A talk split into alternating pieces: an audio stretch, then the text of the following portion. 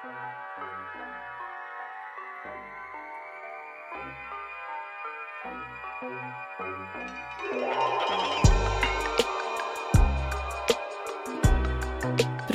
med å gjøre ferdig albumet var på en måte min utdanning som produsent.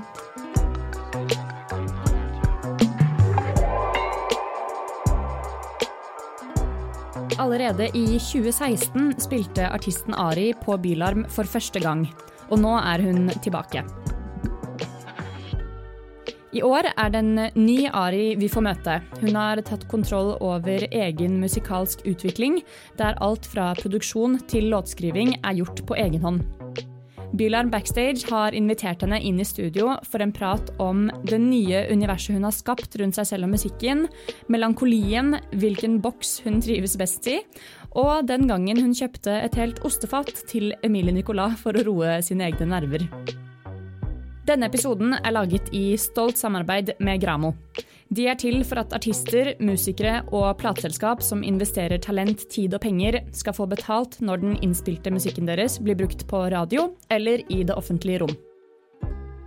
Årets Bylarm er 15. til 17. september, og vi gleder oss til å se deg der. Podkasten er laget i samarbeid med Norsk Tipping med tilskudd fra Fritt Ord. Produsent i Bylarm Backstage er Kristin Knutsen, og klipping er gjort av Mikkel Syvertsen.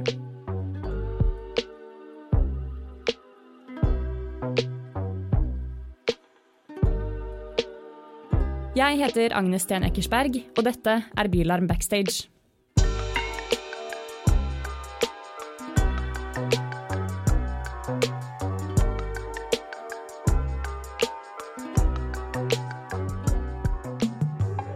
Velkommen til Bylarm Backstage, Ari. Tusen takk.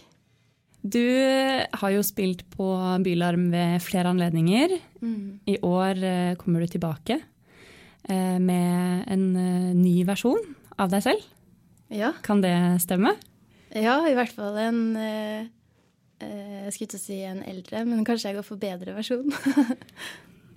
Hvordan skjedde mm, Hvis vi kan først gå litt inn på dette vendepunktet fra, fra Ari som spilte på, på Bylarm eh, for noen år siden, til Ari som skal spille i år. Eh, Hvordan, eh, hvordan har den endringen vært for deg? Jeg føler jo at ting ser veldig annerledes ut nå. Eh, Da jeg starta, eller første gangen jeg fikk liksom Eller første gangen jeg spilte på Bylarm som Ari Jeg spilte jo året før, men da sang jeg bare én låt sammen med Carl Louis. Eh, Så første gang jeg spilte på Bylarm som Ari, så føler jeg at det var liksom Det var veldig hypa. Ja, det føltes ut som vi på en måte var i gang med å satse skikkelig. Og så husker jeg veldig godt at jeg liksom jeg skrev veldig mye nye låter hele tida for å prøve å lage et langt nok sett. Eh, men det var på en måte før jeg hadde skjønt hva jeg ville musikalsk. Så jeg syntes det var dritgøy, men jeg syns også det var utfordrende å stå på scenen med musikk som jeg ikke var helt fornøyd med. Hvor jeg på en måte Jeg, jeg følte ikke at jeg hadde funnet helt meg selv. Men gjennom Bylarm, og gjennom den innsatsen som teamet mitt og bransjen gjorde, eh, på den tida, så, så gikk det veldig fort. Jeg følte at vi klarte å stå i den eh, hypen, da. Jeg bare følte at det ble skutt opp, og at det gikk skikkelig fort. Og at det var dritgøy. Eh, men jeg hadde skrevet ferdig den første sangen min noensinne året før, liksom. Så jeg følte meg på en måte ikke klar. Og jeg skjønner at jeg høres litt utakknemlig ut. Men jeg, bare, jeg føler på en måte både at det var veldig heldig at jeg fant noen som trodde sånn på meg, som kunne løfte meg opp dit.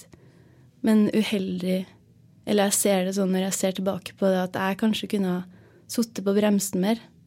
Jeg var også utålmodig og hadde lyst til å ut og frem, men jeg hadde på en måte ikke den tyngden som jeg kanskje ønska at jeg hadde før jeg skulle bli skutt ut på en sånn måte. da. Og så tenker man kanskje at det er den ene sjansen man får. Ja, Og det vil jo også påvirke de valgene man da ender opp med å ta i Ja. den forbindelse. Ja, definitivt. Og det var jo et, et mål der om at jeg på en måte skulle Jeg husker min daværende manager spurte meg sånn Hva vil du egentlig? Og at jeg sa sånn Jeg har lyst til å prøve å gjøre det stort. Og det var på en måte det vi jobba mot. Og da, ja, jeg husker at han sa sånn Ja, OK, men da gjør vi det. Da prøver vi det, liksom. Eh, Hadde du da en stemme helt bakerst i hodet som som strittet imot, eller var du på det tidspunktet helt enig med deg selv? Jeg tror jo jeg var stritta imot på de små tingene. Jeg stritta imot jeg var da jeg var i studio med forskjellige produsenter. Sånn, jeg hadde jo kommet inn, eller jeg kom inn Jeg begynte å liksom, lage musikk ved å produsere det selv. Med sånne Apple loops og sånn. På en måte At jeg satt og, og lagde musikken min selv. Og det gjorde jeg det første året jeg lagde musikk. Og så når jeg ble introdusert etter jeg møtte managementet mitt til uh, produsenter som var ordentlig rå, så, så hoppa jeg over til å bare jobbe med andre produsenter, for jeg følte ikke at jeg var god nok selv. Og det var ingen andre som følte at jeg var god nok heller, for øvrig. til å på en måte fortsette å skulle produsere selv, eller faktisk liksom gi ut noen ting som, som var egenprodusert. da. Eh, så da mista jeg litt sånn Jeg mista litt troa på at jeg noen gang skulle bli en god nok, god nok produsent til å produsere mine egne ting. da. Og jeg husker jeg sa det i studio en gang, at jeg har så lyst til å prøve å gjøre det en gang. Og at produsenten jeg jobba med da, snudde seg og sa sånn Det er sånn at det tar ganske lang tid å bli god nok. Og jeg var sånn Ja ja, du vet ingenting, tenkte jeg da. Men han hadde jo rett. Han, han ga meg et overslag da, og da var jeg 20, på at det kom til å ta liksom seks-sju år å bli ordentlig rå. Og det viste seg jo å stemme. Det var jo seks år etter det at jeg ga ut min første egenproduserte låt. Ja. Hvordan skjedde den overgangen? Eh, til slutt, da? At du gikk over til å produsere selv? Um, det er en lang historie som jeg skal prøve å korte ned. Etter den første bilarmrunden og den eh, energien som oppsto rundt prosjektet mitt, så fikk jeg veldig mye muligheter. Og jeg fikk bookingagent i Europa, og vi begynte å reise rundt og spille live. Altså Vi fikk Glastonbury og Way Out West og Roskilde liksom året etter. Eller to år etter. Og ting rulla, så fort, og det gikk så bra. Og så fikk jeg mer og mer motstand i studio. Jeg syntes ting var veldig vanskelig å gjøre ferdig. Og jeg hadde på en måte et behov for uh, For å på en måte lage nye versjoner av ting hele tida. Så hvis vi hadde lagd en demo, så, og jeg syntes den var kul, så var det eneste jeg ville, var liksom lage 15-20 versjoner til med forskjellige typer trommer, forskjellige typer sounds. Fordi jeg jeg hadde lyst til å utforske eller prøve å finne en måte å lage et sound som var mitt. Eh, og det, der møtte jeg motstand hos andre, og det, det, skjønner jeg veldig godt. Det var jo ikke økonomi i systemet til at det var en bærekraftig måte å jobbe på med noen. Og produsenter sånn som modellen var da Nå er det jo lenge siden jeg har jobba med produsenter, men, men, som jeg tror er nå også, er at man får en engangssum per låt i tillegg til noen rettigheter. Eh, så de hadde jo ikke insentiver til eh, å sette seg ned i tre måneder for én låt og utforske alle mulige måter å gjøre den akkurat sånn som jeg ville ha den på. Når, spesielt ikke når vi hadde ting som hørtes ganske bra ut. Eh, så jeg hadde behov for noe annet enn det jeg klarte å på en måte eh, lage for meg selv. Ja. Mm. Og den følelsen jeg hadde spesielt de første årene der med at hver låt føltes ut som det skulle definere meg, var bare en veldig sånn ubehagelig følelse. At jeg, jeg låste meg, jeg på en måte låste meg inn i et hjørne av en slags perfeksjonisme som gjorde at eh, Som gjorde at det ble mye friksjon da, mellom meg og, og, de som på en måte prøvde å jobbe for at jeg skulle gjøre det bra. Og etter noen år så, så fikk jeg signere med Island Records, som var liksom Altså, de hadde akkurat gitt ut Don't Kill My Vibe med Sigrid, og var på en måte sånn Oi, shit, kanskje det her er veien til ekte suksess, da. Eh, og det jeg ikke visste da jeg signerte med de, var at de forventa at jeg skulle inn i en utviklingsperiode. Eh, og i, i, løpet av den utviklingsperioden så gikk det tre år uten at jeg ga ut noe, noe musikk i det hele tatt. Og nå, den Arin som vi ser at slipper musikk i dag, og som slipper nytt album, eller har sluppet nytt album, det er jo Der produserer du jo selv. Ja. Um, og det, hvordan, hvordan, kom du fram til den konklusjonen? At det faktisk var deg selv som skulle ta den jobben? Det var Etter jeg signerte med Island, så gikk jeg inn i den utviklingsperioden, på en måte. Og da jeg, fortsatte jeg å reise rundt og møte nye produsenter. Eh, både i Norge, men også i, i utlandet. Og, og det var på en måte et forsøk på å prøve å finne den ene produsenten som skulle være min, eh, min produsent, på en måte, eller lage mitt sound. Og så, eh, i London, så fant, så fant, jeg på en måte den produsenten. Eller den personen som, som alle elska, eh, og som Vi lagde masse musikk, og alle rundt meg var sånn Oi, endelig, endelig har vi funnet den personen. Eh, og det eneste problemet var bare at jeg ikke likte det selv. Men det er vel et ganske stort eh, problem? ja, ja det, det, ble veldig vanskelig. Fordi ja, alle hadde så troa på en måte. Han var utrolig fin og utrolig hyggelig. Eh, og ja, alle var så fornøyd. Og i, i, begynnelsen så ga jeg litt motstand og var sånn Nei, jeg vet ikke helt om det er riktig, og jeg syns kanskje ikke det er helt akkurat det jeg har ønska meg. Og så begynte jeg å pushe litt tilbake og si sånn ja, men du kan jo ta en uke til, eller du kan jo på en måte være litt lenger og se om, se om det føles bedre etter hvert. Og så etter hvert så hadde vi på en måte jobba så mye sammen at, at, det ble vanskeligere og vanskeligere for meg å si stopp, da. Og så lagde vi en låt som alle var sånn OK, det her er singelen. Og det er My Sustains. Eh, som, som, jo ble singelen på min plate òg. Hvor jeg husker Eller hvor det endte opp med at jeg en dag bare skjønt på en måte hvor langt det hadde gått i feil retning, og ringt eller snakka med einaren min fra Island på telefonen og begynte å gråte. Og sa at det her går ikke, liksom. Det er ikke meg. Um, jeg vil produsere det selv. Så, så, da tenkte jeg sånn OK, jeg må bare gjøre det selv. Så da trumfa jeg gjennom det, og min følelse av det er at uh, at folk rundt meg ble skuffa. Og spesielt kanskje plateselskapet bare De tok mindre kontakt etter det. Um, og det føltes ut som de på en måte var mindre interessert i å backe meg så hardt som de hadde gjort opp til da.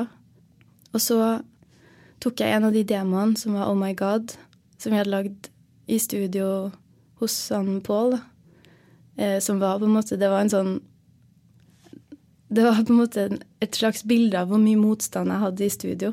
Og så kom bare hele låta ut i en sånn freestyle som utgangspunkt til låta.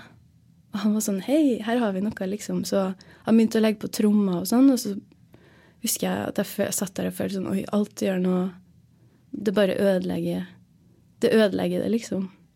Så tok jeg den vokoder-greia med hjem, og så produserte jeg det ferdig selv, og det tok meg tre måneder, liksom. Så den var klar og skulle egentlig ut i februar 2020. Um, eller mars 2020, tror jeg. Og da fikk jeg trumfa gjennom det, selv om plateselskapet mitt uh, At jeg ikke følte at, uh, at Island var noe gira, kanskje, på at jeg skulle være ferdig med utviklingsperioden. Eller jeg følte at de venta på at jeg skulle bli noe annet enn det jeg klarte å bli i løpet av den tida. da. Og så, i februar, så gikk tvillingbroren min bort. Um, så alt ble på en måte satt på pause av det, selvfølgelig. Og uka etter han gikk bort, så kom korona. Og da, da var det bare jeg var, Det var bare en fryktelig periode. Selvfølgelig dyp sorg, men også at jeg var så usikker Eller jeg var, så, var på så utrolig usikkert sted i karrieren. Og jeg husker den frustrasjonen av sånn Jeg hadde mest lyst til bare liksom ja, gi opp alt og ja, ta en pause fra ting og revurdere om jeg skulle være artist i det hele tatt. Og så kjente jeg sånn OK, jeg må gi ut den låta som jeg har gjort ferdig. Jeg må få start på, på hjulene igjen, da. Selv om jeg på en måte var på et veldig tungt sted. Så vi bestemte oss for å gi ut eh, Oh My God og da Kakofoni, som Ja. Så vi ga ut den bare sånn fire måneder senere. Så vi starta på en måte prosessen der, og, og, Så det var kanskje mitt første comeback, da. ja.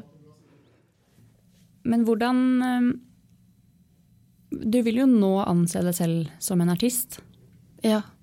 Hvordan er det for en artist å ikke føle seg som en artist lenger? Mm, det er jo mange ting som går inn i å, å føle seg som en artist. Og sånn når det er snakk om definisjoner, så mener jeg at alle som lager musikk, eller som uttrykker seg i artister. Så jeg mener ikke at suksessen definerer om du er artist eller ikke, eller nødvendigvis hvor god du er. Men, men det å ha hatt en sånn ja, Jeg finner fremdeles ikke et bedre ord for hype, så jeg bare bruker hype. Selv om jeg er imot egentlig å bruke engelske låneord. så det å gå fra å på en måte være en populær artist og få mye muligheter, og at det går bra økonomisk, ikke minst eh, og, og, det her er kanskje litt flåsatt, men det at man går på fest og folk vet hvem du er, og det å leve, leve, i en sånn boble i mange år, og så at det dabber av, sakte, men sikkert, og at man går tilbake til det føltes, Selv om det ikke er riktig, så føltes det ut som det, å gå tilbake til start.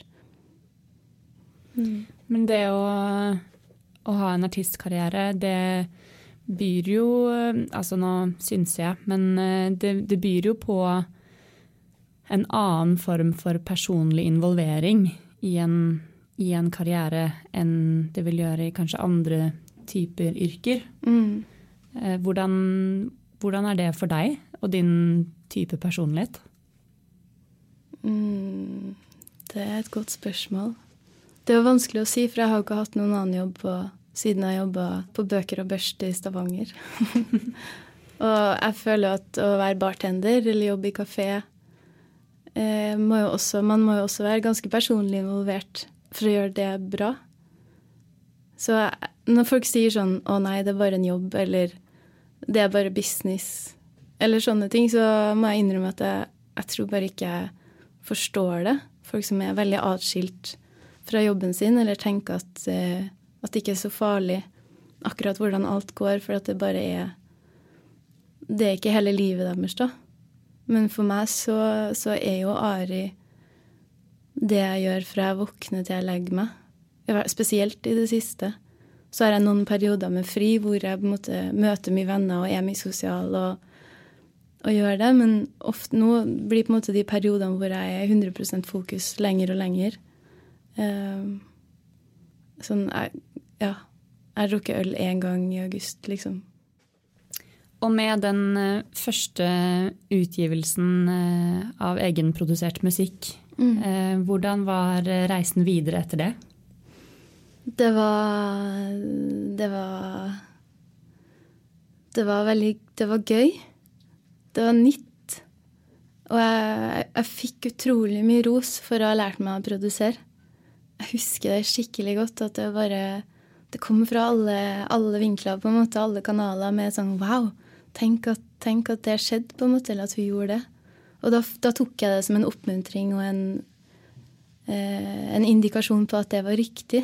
Som, var, som jeg egentlig trengte ganske sårt. Jeg var redd for å måtte, gi ut noen ting som jeg hadde produsert selv, og at alle var sånn Det gikk ikke så bra.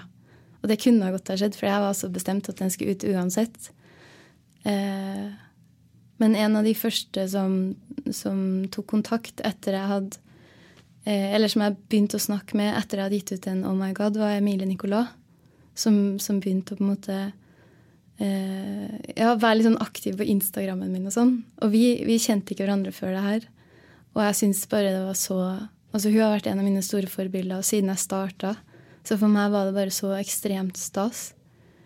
Eh, så mens ja, mens jeg på en måte fortsatte å produsere neste låt, og sånt, så ble det liksom Jeg skrev jo veldig mye om sorg. Jeg var jo i sorg da, og er det fremdeles. Eh, og det, det, ble en veldig sånn altoppslukende ting. Og det var da jeg skrev 'Angels' og 'Moth to Flame' og låter som er eh, skikkelig heavy, da. Eh, som var heavy for meg å skrive også. Viktig å få riktig. Så det var liksom Eller jeg vet ikke, det var en utrolig stor kontrast mellom å være i dyp sorg og liksom ordentlig mørke, samtidig som liksom jeg fikk eh, suksess, da, eller at det var en flamme som på en måte begynte å vokse. Eh, så etter jeg hadde gjort ferdig Angels og Master of Flame den sommeren og høsten og begynte å gi ut de, så, eh, så la jeg ut Eller jeg la ut på et tidspunkt en demo på Instagram. Bare et lydklipp på Story eller noe sånt. Og så husker jeg at Emilie sendte meg sånn 'Å, shit, den var fin', eller noe sånt. Og så fikk jeg Og det får jeg av og til. Sånn at jeg bare var sånn «Øh, 'Vil du bli med?' Sånn, jeg sa det på en utrolig usmidd måte. Jeg tror jeg bare skrev det, liksom. Og det er høy risiko. Og sånne, ja. Og high reward. Ja, ja. Da var det jo veldig high reward, da. At hun sa ja. Og jeg husker så sykt godt første gang hun skulle komme hjem til meg i hjemmestudioet mitt på Rosenhoff. Eh, at jeg var så stressa, for jeg visste ikke hva hun likte å spise. Eh, så, så, jeg hadde liksom ordna med kaffe og sånn alt det vanlige. Men jeg også kjøpt inn liksom ti forskjellige oster og mulighet til å lage ostesmørbrød til lunsj. Og skikkelig sånn tapasbrett. Og bare sykt mye greier. så når det kom, så var jeg litt nervøs. Så var jeg sånn Ja, er du sulten? Hun bare Nei, jeg kan bare ta litt kaffe. Og det er bare åh, shit. Hvis du ikke er sulten, så var det liksom ikke noe anledning til å disko til sjuke ting som jeg hadde kjøpt. Men så Det var dit nervene dine gikk? Ja. Ja. Jeg blir litt sånn Jeg tror jeg er litt sånn har en indre husfrue som tenker at alt løser seg hvis du bare har et rent hjem og god mat, liksom. Ja. Men så begynte vi å jobbe sammen eh, på Hurt You, da. Eh, og så fikk vi på en måte fulgt opp med å gi ut den eh, på våren, og da, da, tenkte jeg sånn OK, nå er jeg i ferd med å lage et album. Mitt første album. Og, og det, var, det, var, tøft, syns jeg, å, å innse eller akseptere, kanskje, at eh, debutplata mi skulle, være, skulle, handle om sorg. Det, det syns jeg var vanskelig eh, ja, vanskelig å akseptere, fordi jeg, jeg, har liksom lyst til å være en popstjerne som sprer glede. Og til å være en inspirerende person som bare lager fete ting som man kan danse til og ha det gøy med. Eh, men, men det, det ble bare sånn at uansett hvor på en måte eksplosive låter eller sånn jeg prøvde å lage, så ble det på en måte sorg alt sammen. Og det var ingenting annet som føltes riktig å skrive om. Så det var Det tok meg lang tid å på en måte bli, ja, bli enig med meg selv i at det var riktig, da. Så jeg satte meg ned eh, i hjemmestudio og jobba litt på hytta til kjæresten min og sånn. Eh, og i august så, altså i fjor august, så var jeg en uke unna å være ferdig. Da satt jeg med to vifter i hjemmestudio. Det var dritvarmt den sommeren. Og vi hadde akkurat flytta, og jeg hadde fått en nabo som syntes at det, det var utrolig irriterende med så mye lyd. så jeg, unnskyld, hvis du hører på det her, så er jeg veldig lei meg for det. Um, så, så, får jeg en telefon om at Island Records har droppa meg. Og de eh, sa det var noen koronagreier. Men, eh, men, vi hadde ikke hatt god kontakt på en stund. Eh, og det var ikke nok suksess, tror jeg, i mitt prosjekt med de singlene jeg hadde gitt ut, sorgsinglene, til å kanskje forsvare eh, og bruke så mye penger og oppmerksomhet på meg lenger, da. Så i begynnelsen så, så ble jeg bare utrolig skuffa, også fordi jeg var på en måte Jeg følte at det var et skjørt sted. At jeg jobba 16 timer om dagen og satt og liksom tok vokalopptak igjen og igjen og skrev tekster og gikk rundt og hørte på demoene mine. Alt jeg gjorde, var på en måte å få ferdig det albumet. Mitt første album, som jeg syntes var utrolig skummelt i utgangspunktet. Og det å bli droppa rett før det var ferdig, var en sånn åh, da skjedde ikke allikevel. Og så gjorde jeg det ferdig, og så gikk det litt tid, og så skjønte jeg bare hvor utrolig fantastisk det var at, eh, at, jeg var fri igjen, på en måte. Og Petroleum og jeg, ikke så lenge etterpå, bestemte oss også for å ikke jobbe sammen lenger. Så fikk jeg muligheten da til å starte mitt eget plateselskap og gi ut min egen plate. Og så søkte vi litt penger og sånn fra liksom, ja, Kulturrådet og Music Norway. Og så fikk vi bare full pott på alt. Så jeg fikk altså så mye støtte jeg fikk den der større lanseringa av stipendet på Music Norway til å på en måte ja, kjøpe promo i alle mulige fokusterritorier, som Tyskland og USA og, og England, ikke minst. Eh, og jeg fikk råd til å ansette Little Big Sister på promo. Eh, så plutselig så hadde jeg et støtteapparat som var mye større enn det jeg ville kunne ha drømt om hvis ikke på en måte, eller hvis jeg hadde jobba med de plateselskapene da. Eh, så ga vi det ut, da. i februar i år. Eh, og det gikk bare over all forventning. Sånn Min drøm, eller Ja, min drøm har liksom vært å lage noen ting som, som folk syns er bra.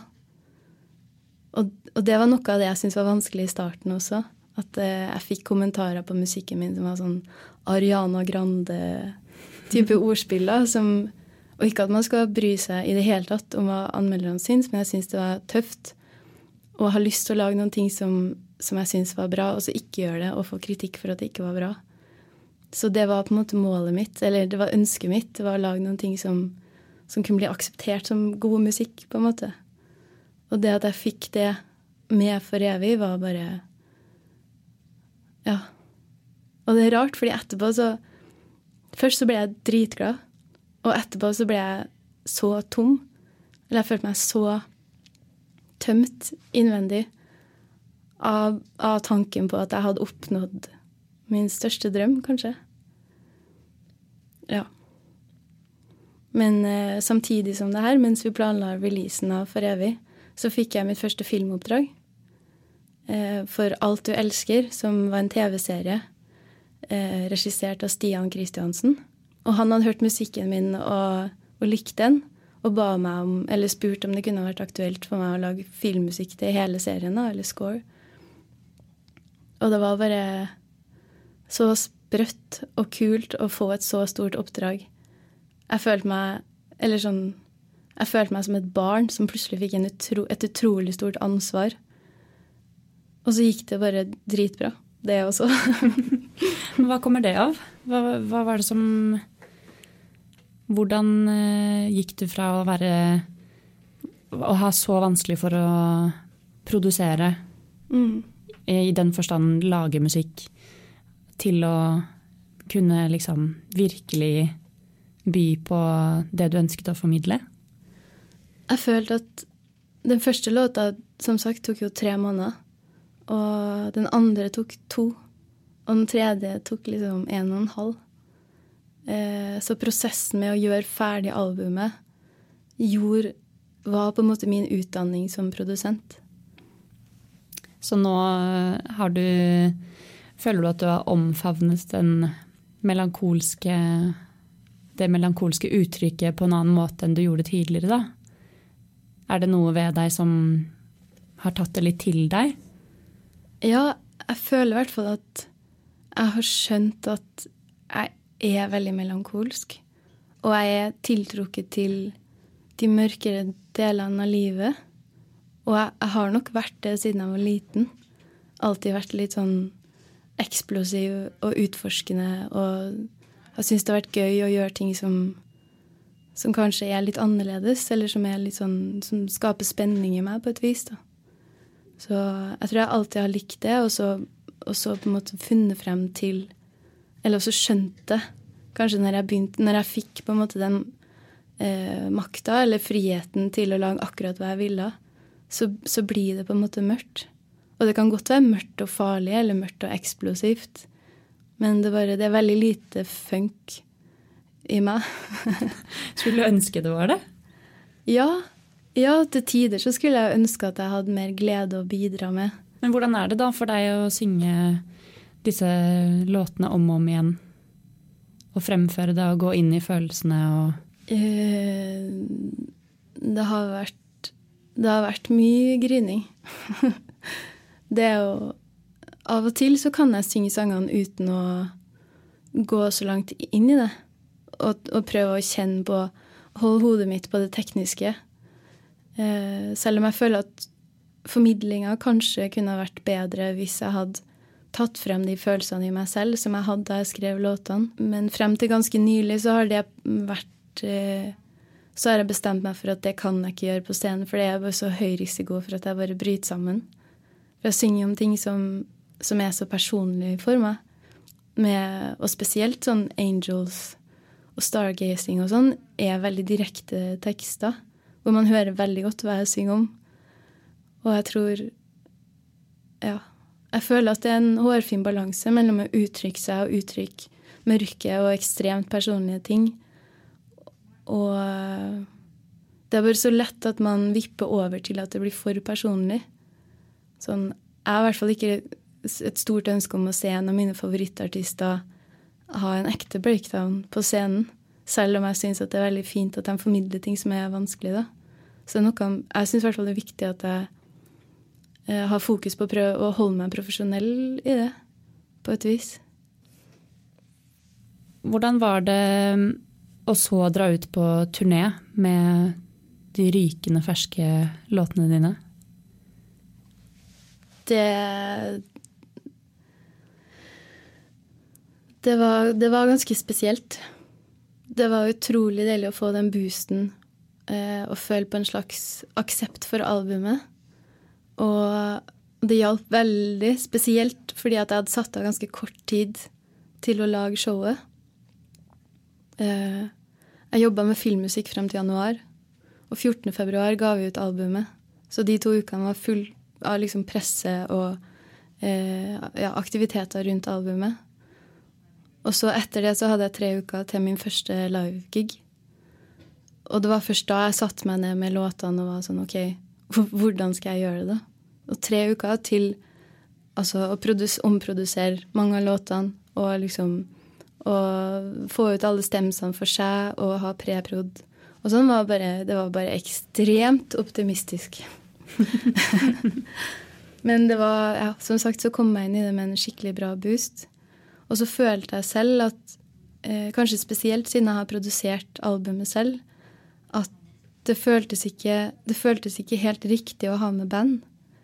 Eh, og jeg hadde tenkt på det en stund, at kanskje akkurat release-turneen jeg jeg ville, at alle lydene skulle være akkurat sånn som de var på albumet.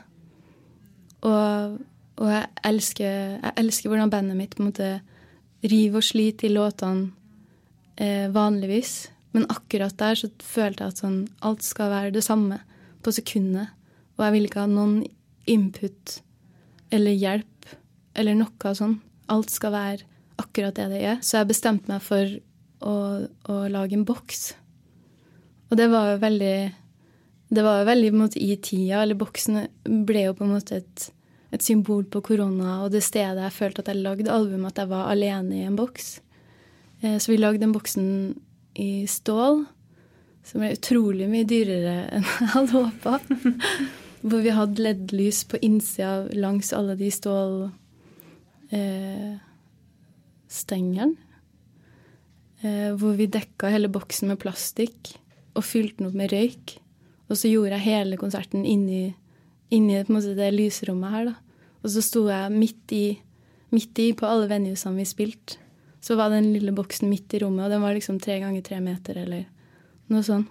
Hva tror du eh, at uh, Ari, som satt i masse forskjellige studioer i London for mange år siden, hadde, hadde sagt om dette?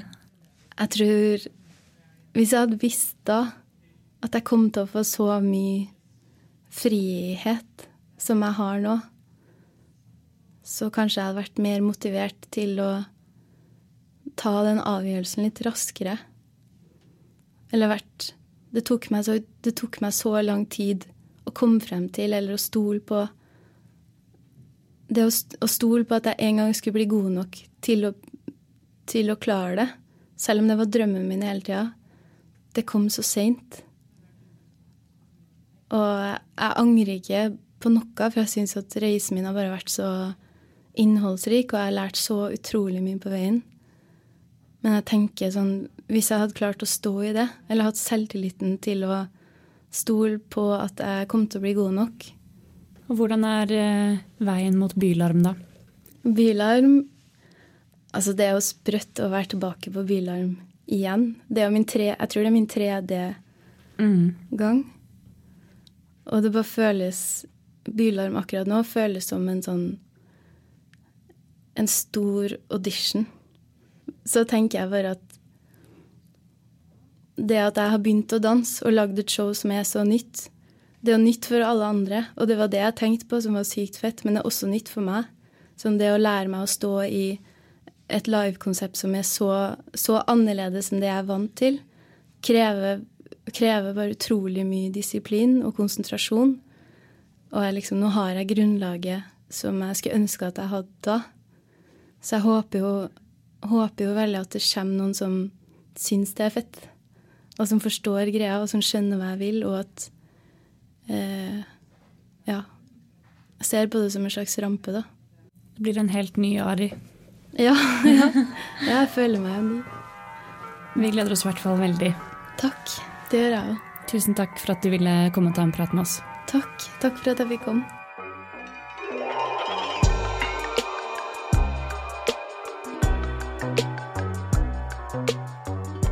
Tusen takk for at du hørte på denne episoden av Bylarm Backstage. Vi høres i neste episode.